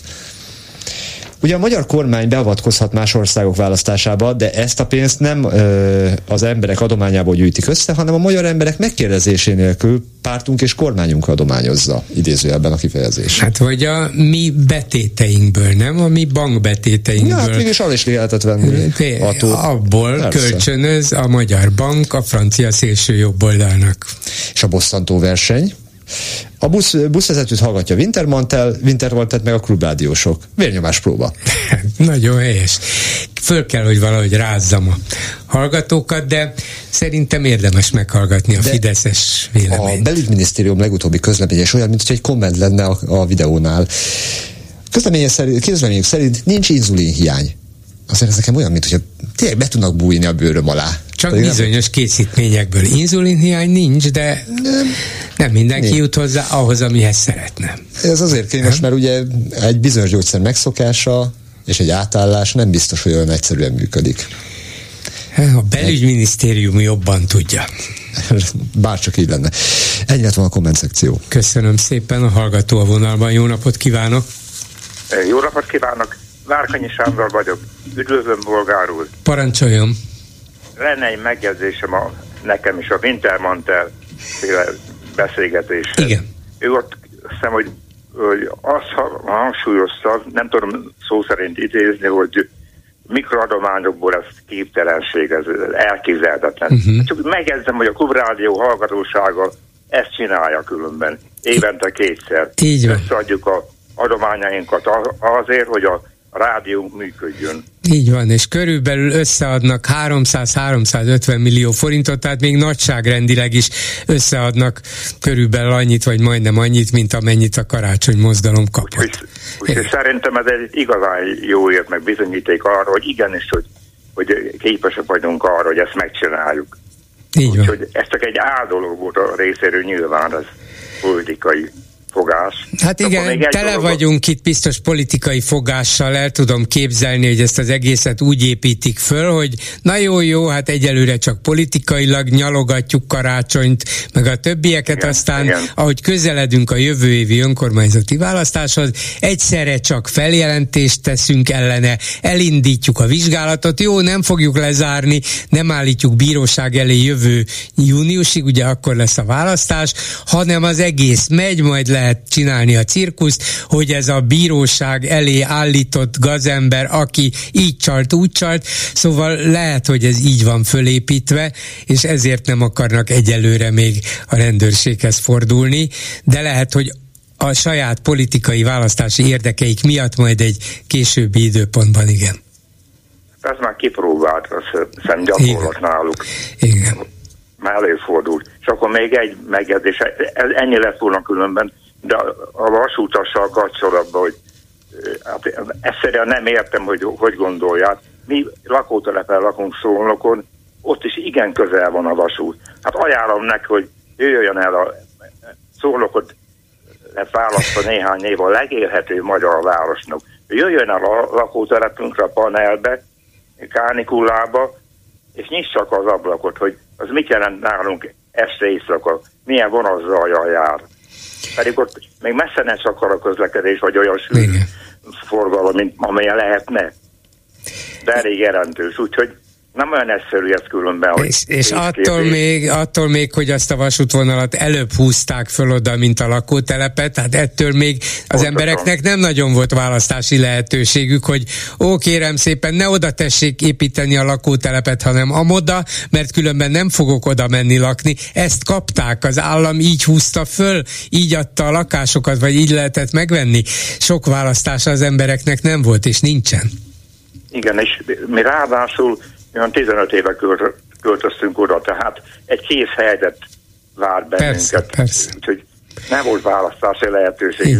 Vagy ahhoz lehet, hogy kétszer annyi pénz kellett volna, hogyha valami igen, egészen mást akartak pontosan, volna. Pontosan így van. Hát ez van. Akkor még egy, igen. ez már régi kedvenc veszélyparipám, hogy mi járunk a Szentendrei hével Szigethalomra, és már régen motoszkolált bennem, hogy van a közvágó ide nagy, a végállomásról nagy a forgalom. Három zebrán kell átmenni, nem olyan egyszerű a, a kettes villamoshoz. Hogy el tudnám kézelni, hogy ott leviszik a hévet a, az út alá, és akkor úgy becsatlakozik a kettesnek a vonalára. És akkor azon megyen tovább mondjuk a Boráros téri. Igen. Vagy, vagy egy, egy villamos lenne, ami kimegyen mint a helyi fejet mondjuk Szentrenderére, úgy, mint az a Szeged Szeged hódmezővásárhely közötti tramtén. Vagy igen, igen, benne, úgyhogy igen, igen. Ez csak egy ötlet különben, úgyhogy elnézést. Ezt is meg lehetne csinálni, és akkor ez elég emberbarát lenne. Mert Így azt tudom, hogy van olyan terv, hogy alagútfúrás, meg, meg hasonlók, hát az jó volt drága. Így van, egy, egyszerű akkor... módon is lehet segíteni, pontosan. Én, én erre gondoltam, de hát nem tudom, hogy majd hát, ha valaki tevő lesz már. Köszönöm szépen, minden jót, viszont hallásra. Viszont hallásra. Háló, jó napot kívánok! Üdvözletem, Bolgár úr, emocionális vagyok, és érdeklődve, érdeklődve hallgattam itt az utóbbi hozzászólót, most csatlakoztam, mert én igazából az akkumulátor gyárakkal kapcsolatban szerettem volna itt az ácsi embereknek a véleményét is, hát én Győrbe lakom, de ugye ez érdekes felvetés, hogy mi volt előbb, ugye itt, ha nem tudom én, hall engem? Igen. Hát, hát még, még egy, ha van egy percem. Hát ugye én az úriember, aki vasúttal foglalkozik, azért azt tudhatja, hogy például sosem lesznek légrugósak szerintem a, a tehervagonok, és a, a hanghatásuk azok, azok, azok szerintem is azok, azok kevésbé csökkenthetők és akkor az emberek mindig, vagy őket, hogy mondjam, vonják kérdőre, hogy hát miért költöztek oda, miért azt választották, és hát tudja, hallotta, nem? Itt a Fideszes hozzászólót is, vagy ha jól emlékszem, aki kérdőre mondta, hogy hát milyen, milyen kérdések ezek, hogy a, a köz, köztelevízió, hogy és a támogatásoknál, nem? A saját ellentmondásukban. Igen, igen, igen. Haló. Igen, ez Wintermontás Zsolt volt. Winter, igen, a saját ellentmondásukban itt is, hogy az embereket ugye, ugye megkérdezték, hogy ők akartak gyárat, igaz, hogy ők, ők szerettek volna, jól tudom. Hát ugye nem mindegy, hogy milyen gyárat és hogy milyen környezetszennyezés és egyébben járó tevékenységet akarnak ott folytatni. Az pedig az emberek naivitása véleményem szerint, hogy majd az Európai Unió majd olyan felülvizsgálatokat fog és, és, és, és jogorvoslatot fog majd számukra biztosítani, ami már nem is biztos, hogy Európai Uniós tag lesz ez az ország jövőre így ősztáján mondjuk. Ez. Jaj, ennyire gyorsan fogunk kivonulni? Én nagyon, az események föl tudnak ám gyorsulni, véleményem szerint. Ön, ön is tudja, hogy vannak, mikor vannak ilyen holt időszakok, de én biztos vagyok benne, hogy ez a uniós elnökségi tagság is el lesz húzva, és erre már vannak, vannak lépések ez irányba. És én nem hiszem, hogy egy bizonyos pont elérése után még a, a, a magyar kormány ezt föl fogja tudni vállalni. Hát vagy nem engedik, a, vagy nem engedik neki, hogy nagyon vállalja. Nem engedik, igen, így van, pontosan. Köszönöm. És az emberek pedig hoppommal, tehát ugye most döbbennek rá a demokráciának a, a hát hiánya nem létére, hogy bármilyen gondjuk, problémájuk van, és, és esetleg nem értenek együtt a föntről hozott döntésekkel, nincs semmi jogorvoslatuk, lehetőségük bárkihez fordulni. Igen. Uh, itt vagyok? Itt, e, igen, de most már nem, most, mert most már vége van. Igen, ebben akartam kicsit jobban, de mindegy, köszönöm. Köszönöm, szépen, viszont hallásra. Ezzel a megbeszéljük a mai műsora véget ért. Készítésében közreműködött Zsidai Péter, Lőrinc Csaba, Erdei Tünde, Kelecsényi Kriszta és Kemény Dániel. Bolgár Györgyöt hallották, viszont hallásra holnap. Most pedig jön az Esti Gyors. Ez a műsor sem jöhetett volna létre az önök támogatása nélkül. Esti Gyors, a hírek háttere. Keleti hagyomány, hogy a beosztottnak erősen korlátozott jogai vannak. Már a rendi állam idején szembeütlő volt a különbség nyugat és kelet között. Szűcs Jenő említi példaként az Európa három történelmi régiója című híres eszéjében, hogy amíg például egy Frank Hübér úr számos dologban felelősséggel tartozik hűbérese életéért, biztonságáért, addig egy ilyen kötelezettség egy magyar urnál szinte nem is létezett és hogy amíg egy nyugati hűbéreskü kölcsönös meghajlással és fejbiccentéssel zárult, addig egy keleti alávetett meg kell, hogy csókolja a kényurának gyűrűs kezét, miközben a földön térdepel. Hát akkor most ugorjunk egyet, jó? A mai magyar hűbéri viszony is másolja ezt a keleti hagyományt. Kegy és hála rendszerben működik főnök és beosztott kapcsolata. Na már most, akkor hogyan is képzelhető el az, hogy egy miniszter áttestálja helyettesére például a törvény által kizárólag neki delegált kinevezési jogot, valamint hogy fogalma sincs arról az általa vezetett minisztériumban miféle magánakciókat, korrupt üzleteket bonyolít közvetlen beosztottja. Igen. Varga Judit és Völner pár ködbevesző kapcsolatáról beszélek. A Sadul ügyről. Varga Juditot még csak tanúként sem hallgatták meg a helyettese milliárdokat érintő korrupciós, egyébként hivatali visszaélést is sejtető ügyében. Éppen az Orbáni autokráciában higgyük el, hogy főnökétől teljesen függetlenül saját szakárra virmanulhat egy beosztott, és ezért csak ő maga viszi el a balhét egyedül. Mint ahogy az sem hihető, hogy Varga Judit azért mond le hirtelen, mert a majd egy év múlva esedékes választásokon ő vezeti a Fidesz EP listáját. A módszer egyébként ismert. Ha Orbán valamely emberek kényessé válik, kivonják, áthelyezik, de gondoskodnak róla. Persze csak azokról, akik hűséges szolgálatai közben botlanak meg. Aki ellent mond, aki kikukucskál a birodalmi palást alól, az Spéder Zoltánnál lesz, akit Orbán azért alázott meg és paterolt el egy bank éléről, mert szegény azt hitte, hogy ezután önálló pénzügyi döntéseket hozhat. Nem is beszélve arról a Borókai Gáborról, akinek csak annyi bűne volt, biztos emlékeznek rá, hogy tovább vitte azt az egyébként nagyon színvonalas heti válasz című lapot, ami az éppen kegyvesztett korábbi hűbér úr Simicska Lajos köreiben működött tovább. Nem, az más elbírálásban és kegyben részesül, aki szorgalmas ülepnyalogatás közben hibázik, Istenem, hát ki nem botolhat meg, ugye? Az kegyes büntetésként nyugalmas és zsíros jövedelemmel járó beosztást kap. Varga Judit jött, mosolygott, kiárt Brüsszelbe szorgalmasan szajkozva főnöke EU ellenes mondatait, közben a helyettese, no, de hát azt a történetet már ismerjük. A lényeg, marad a hűbér úr kegye, jöhet az újabb késcsók és térdeplés, csak ezután már távmunkában teljesítendő. Esti gyors, a hírek háttere.